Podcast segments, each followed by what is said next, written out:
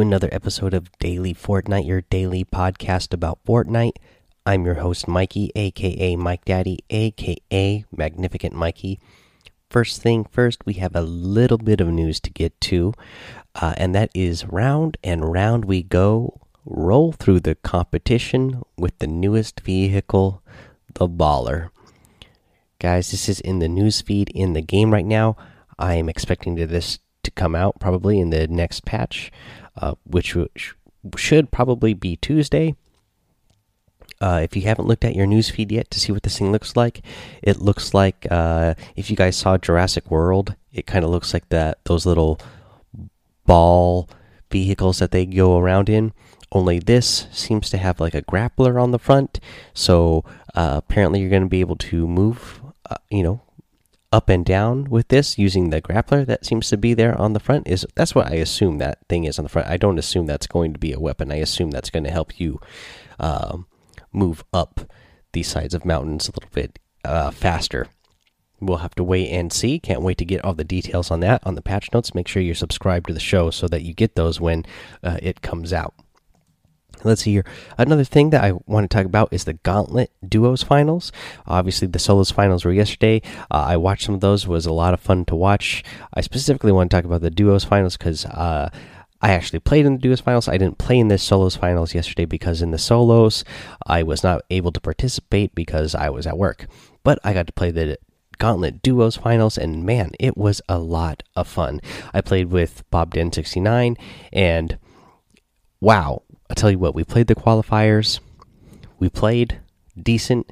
Didn't think we played our best. We weren't sure if we were going to qualify to get into the finals for the Gauntlet Duos, but sure enough, we got that message in the game telling us that we got in the finals and we played the finals. And I'll tell you what, playing against very high skilled players every single match was a lot of fun because it helped us learn a lot about what we need to work on on our own game.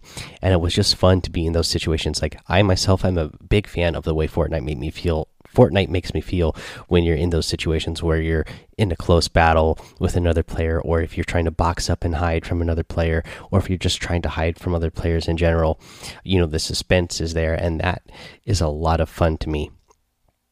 Um so all in all we scored 16 points total uh, during the finals, so that we got uh, 12 placement points and four uh, elimination points. We each had two eliminations, uh, and man, it was again a lot of fun. Uh, so much fun overall. Uh, let's see here. It looks like the the top score again. They broke it up into regions, so they did NA East and NA West, and uh, all the other servers, you know, Oceania and EU servers are all separate. So I'm on NA West, so we played on NA West. And it looks like here, let's see here, the duos finals. Um, according to the leaderboard, I'm not sure if this is updated because it's been updating kind of slow. And I know um, some people have reported that they didn't, their points haven't shown up yet. But as of right now on the leaderboard, first place in the NA West Finals was uh, Bloom Canucci and uh, Bloom Riversan with 82 points. So those guys slayed out. Uh, you could see here they had two victory royales, averaged 5.7 eliminations per match. They got eight points um, on average per match. So pretty, pretty amazing stuff that they uh, pulled off there. Uh, let's see here, guys. Yeah, that was a lot of fun. So we're going to go ahead and move on to a week two challenge tip, and this is to deal damage to opponents with the cannon, the pirate cannon. Um, easiest way to do this is to go to Team Rumble. Um, if the grab a pirate cannon from somewhere nearby, wherever the circle is going to be, wherever the rumble is going to happen, bring a can, bring a cannon over there. In fact, you know this is Team Rumble, so it's squads. So grab a squad of friends, turn party assist on. All of you go grab some cannons, bring it over to the area where people are going to be fighting, and start shooting those cannons and just hope that you hit somebody because this challenge I am finding very difficult to do. Uh, but you will have an easier time doing it if you head into Team Rumble and turn that party assist on and play this with your friends. Alrighty, now let's talk about the item shop. In the item shop today, we still have everybody's favorite, the Bandolette. Again, a bunch of you have still uh, been using that creator code to get this one. I really appreciate it. A lot of you people who have bought outfits uh, using my code in the past are using it again and getting this Bandolette, and I don't blame you because this outfit is fire. Uh, we also have the machete harvesting tool in here and the Choppa glider. Uh, today we have a return of the Raptor outfit with the Raptor satchel back bling, and I know that a lot of people really love this outfit as well. So I'm sure this is going to be a popular item. Again, this is the Raptor outfit.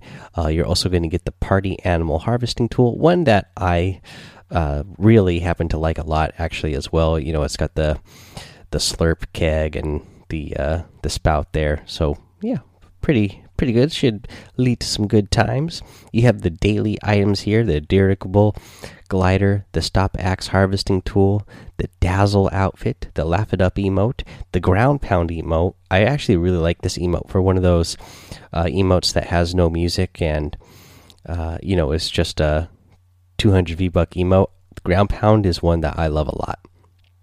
Uh, today we also have a new outfit, one that I happen to like. Uh, not my favorite. Uh, it is the munitions major, fire in the hole.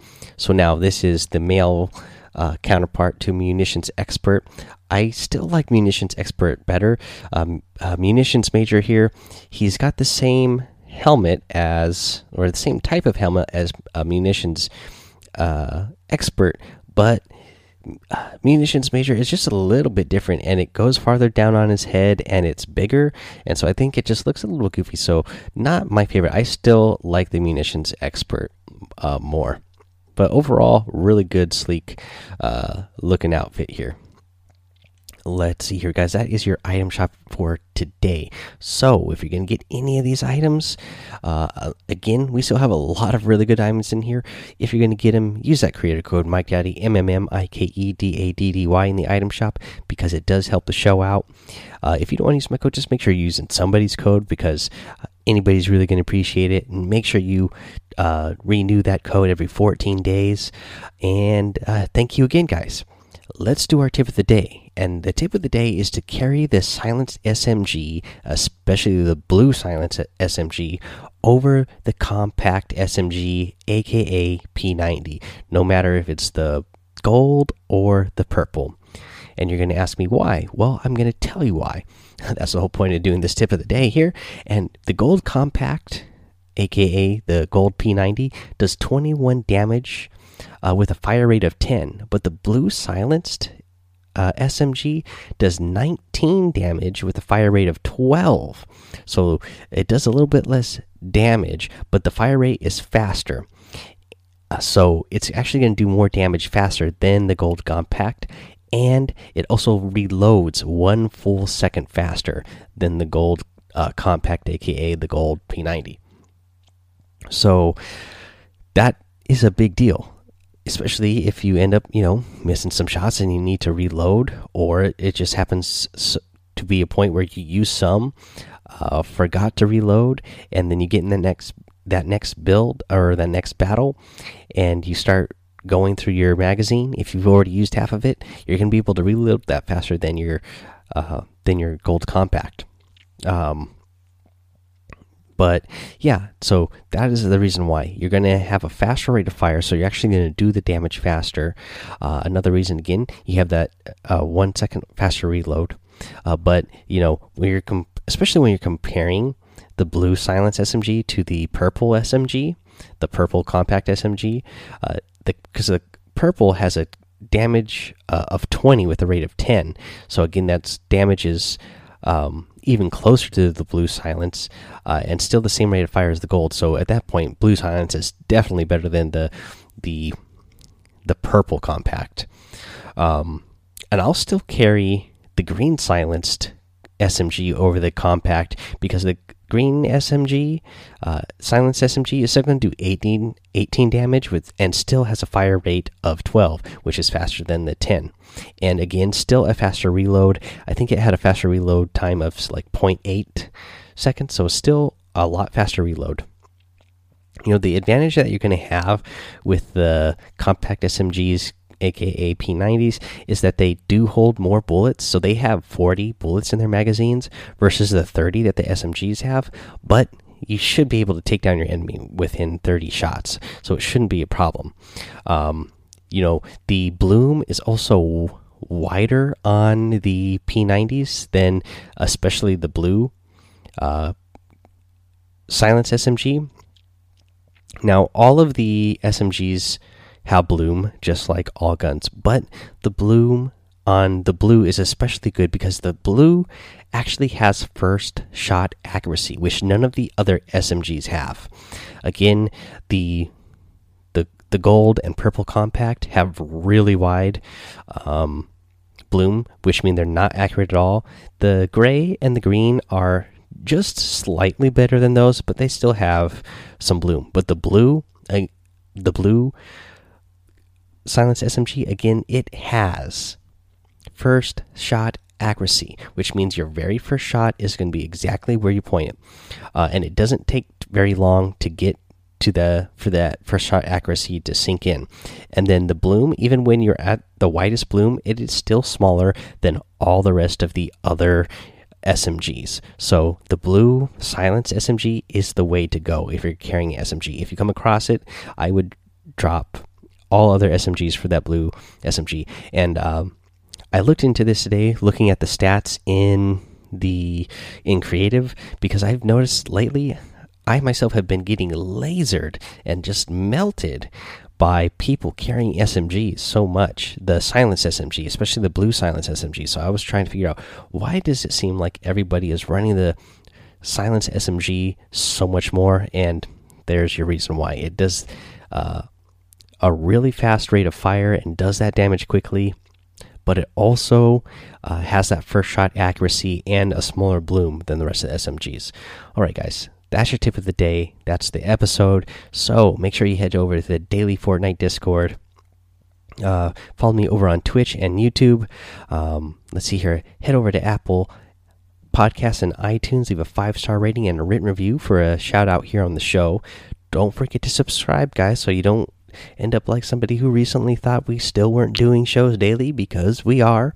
You don't want to miss the episodes. Make sure you uh, subscribe to no matter what podcast listener you're uh, you're listening to the show on. But here is a review. We actually have one from Juliana Lewis, five star rating, titled "Love It," and it just reads Fortnite. Hey, what a better review can you get than that? Fortnite. Awesome. Thank you so much. Juliana Lewis for that five star rating and written review. And guys, that is the episode. So until next time, have fun, be safe, and don't get lost in the storm.